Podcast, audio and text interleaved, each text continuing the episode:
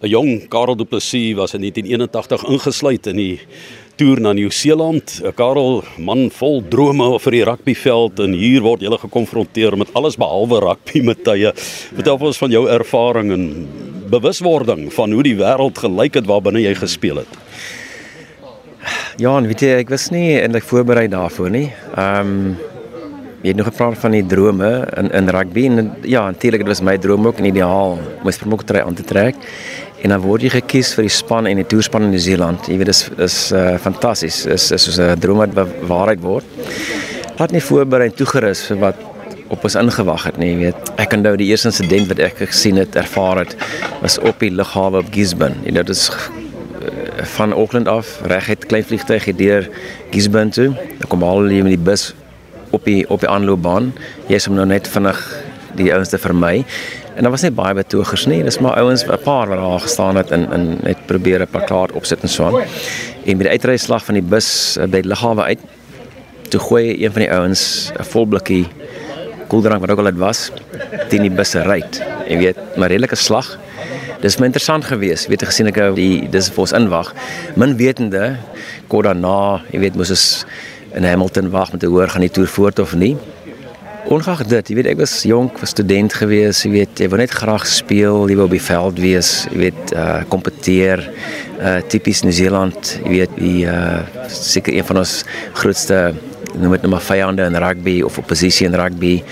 Ja, so ek het ek het baie min erg gehad uh of aandag gegee aan wat van die veld af gebeur. So ja, so daar's daar soveel dinge wat jy in en om die toer kan in in, in behoort te sê en te vertel en by tye is daar te min tyd om dit te doen detail, jy weet, en ehm uh, uh, gewoonlik in 'n groepsverband sal iets uitkom wat van die spelers onthou en wie uitlig wat dan weer daai herinneringe weer oproep. Maar in die algemeen, ja, dis is werklik vir my 'n goeie ervaring. Dit was nie maklik nie, verseker nie maklik nie die waarde daarvan was gewees, jy weet, uh, uiteindelik het die mense kon terugdink en kyk na die die karakters wat daar was in die toer. 'n Klomp sterk karakters en in hierdie span konteks ook 'n span met karakter want stadium het ons besef waar vir ons in is en ons wou graag die die spel die, op tussen die vier wit lyne waar ons probeer regtig na weet afrond op die regte manier uh, beoefen en tog weet eer en erkenning bring vir jou land en die try. Jy weet, so vir my daai prentjie van die aura van die try en van die springbok en van ons rugby, dis my oorwegend die iets wat weet wat vir my belangrik is om in ag te neem, weet so.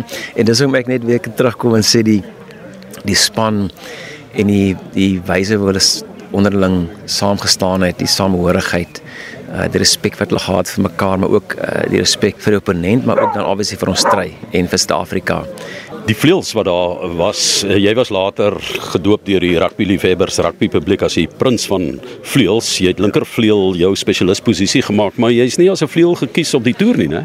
Nee, ek ek het gaan as 'n senter.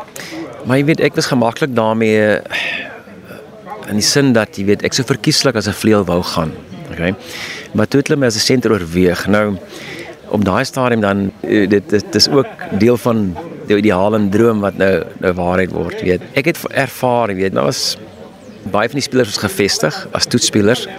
So ou moes kompeteer teen hulle en ek sou verkieslik senter en vleuel wou kompeteer.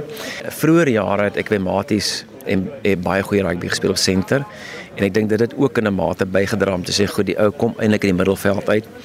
My posisie wat ek verkies wat later toe gebeur het is was vleuel. Na die toer daarna en die volgende ronde proe wat die ouens gespeel het het ek toe net vleuel toe geskuif en en toe daar my my geleentheid 'n kans gekry en en die breek gemaak daar wat wat ek baie dankbaar vir is. En tot vandag toe nog jy weet uh, al herinneringe koester ek en dis my senter of middelveld of vleuel dis vir my dis my fantastiese herinneringe en memories om vas te hou weet 5 uh, eh, goue jare van WP rugby. Dit was in daardie era, die begin daarvan en uh, jy het later ook die WP aangevoer as kaptein. Daar was besonder baie kapteins op daai toer later provinsiale kapteins, Springbok kapteins. Gerry Germeshuis, Raymond was in die saal in daardie tyd in terme van veteraan vleuels en so. So uh, miskien is dit ook een van die redes dat hulle jou as uh, senter en bietjie ja. meer veelsidig soos Colin Beck ingespan het. Maar toe julle nou na 2 maande getoer het in Nieu-Seeland en en die gety so kwai buite die rugbyveld geswaai het polities. Toe is julle nog Amerika toe ook.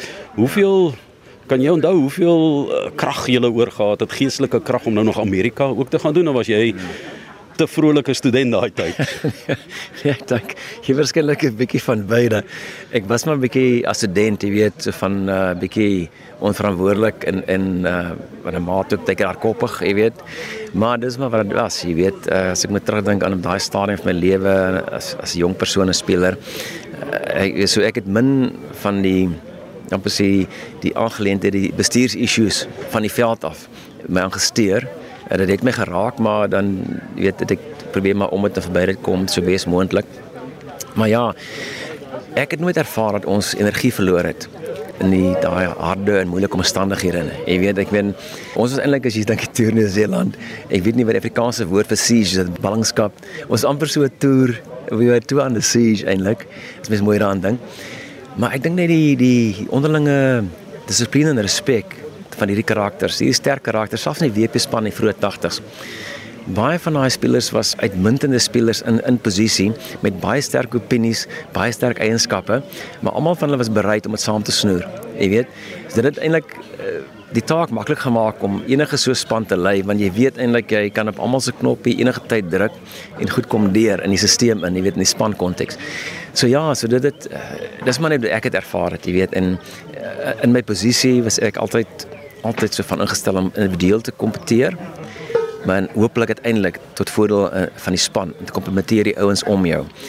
Kan jy onthou waar jy was met die polo toets, die eerste amptelike toets tussen die FSA Eagles en die Springbokke? ja, ek het ek dink ek was deel van die uh die party wat die ouens moes moes mislei na kant toe. Maar nie ons het op stadium daar rond gestaan om daai veld. Jy weet nou die ouens warm op hier so agter in 'n eintlik wat lyk soos 'n para arena, jy weet. Uh jy nie kleedkamer nie, die ouens trek uit en iemand met die toksak uh, dophou en die kit en die goed dophou. En eintlik kom jy ons by veld dan nou en dan speel nou, maar dan staan jy maar een kant daar, wie nou is eintlik 'n paviljoen, jy weet so wat jy staan maar rond daar, jy weet. Ja, dis my vreemde omstandighede en ek dink ou met jouself die vraag vra maar is dit ooit moeite werd om so toets te speel? Jy weet so heeltemal buite die aanvaarde praktyk, jy weet vreemde plek, vreemde veld, vreemde omgewing, geen mense en so net. Ja, as jy mens nou terugkyk dan moet jy met die dak sê maar weet was nie moeite werd nie, jy stel dit liewer af. Maar ons het baie staan moet gedink in daai terme van stel iets af nie. Ons sê ook wel dit sien dit deur. Ja. Jy um, het ook geleentheid gehad om as Springbok afrigter in 'n meer moderne era ja. jou stempel af te druk. So rugby het snel verander van 81 af na die hele styl, die hele wêreld rugby orde wil ek sê het geweldig verander van amateurstatus. Jy het so die eerste tree gegee na hier en daar 'n sentjie in die sak, maar eintlik ja. uh, mag dit ook nie gebeur het nie want ja. dok in amateurstatus was ons getroud. Ja ja, nee, kyk die amateurkode het en ek gesê jy mag geen direk of indirekte vergoeding of voordeel ontvang nie. Nou ek meen daai indirek voordeel is wyd. Jy kan hom jy kan enigiets tot daai konvers intrek. Ek dink jy weet na 95 en natuurlik het die ding professioneel in 'n mate gedraai. En die spel moes maar deur leerkurwe gaan. Jy weet van wat presies beteken professioneel vir rugby. Jy weet en maar ek dink nou dis soveel jare uh, al later. Ek dink uh, dit gaan nou meer oor die besigheid van die spel. Jy weet uh, is jou besigheid op 'n goeie plek en uh, het jy die regte besige span in plek vir 'n span of om 'n span. En dit is goed. Jy weet rugby het geweldig verander. Dis vinniger is en ek beter is. Miskien nou minder aantreklik. Daar's die ouens voel daar's dalk te veel reëls wat die ding inperk en die verskillende style pas nie almal nie. Maar dis dalk 'n goeie debat, jy weet, 'n klomp ouens voorsien liewer een styl in benadering. Solank daar verskeidenheid van style en benaderings is, is dit dalk goed vir die spel.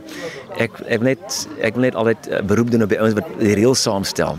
Moenie te gekompliseerd maak nie, moenie te veel maak nie. Maak dit eenvoudig en makliker vir die ouens wat die ding met blaas dat die spel kan vloei kry en dan is dit liewer 'n toets tussen spelers en spanne om te sê goed, hoe toets jy jouself, jou benadering, jou wedstrydplan teen die opponents en jy weet, uh as wat jy wil reëls maak en dit uitbuit om te sê goed tot jou voordeel. Jy weet dan begin ouens dan begin ouens die reël afrig en hierdie speler afrig. Dit is so interessant. Um, Henning van Aswegen het gesê, uh, jy weet, in hulle dae het hulle ingestorm in 'n skram. Ja. Nou doen hulle eers 'n gebed voor die skram. en um, en uh, daar's ook verwys na die skeieregter wat vir die skram skakel sê wanneer hy moet speel of ja. nie. Jy weet, so ja. word die spel eintlik vertraag. Maar buiten dit wil ek nou eers vir jou vra, jy het gepraat van mense om jou en toe jy nou in die vleuelposisie spesifiek gespeel het, uh, die middelveld was baie belangrik. Jy het 'n besondere ervaring op die toer gehad, wel in WP rugby saam met Michael en Willie gespeel, maar Willie was saam met jou op die toer. Was dit daarom lekker om 'n ouer boet wat nou in Australië bly ook op die toer te hê?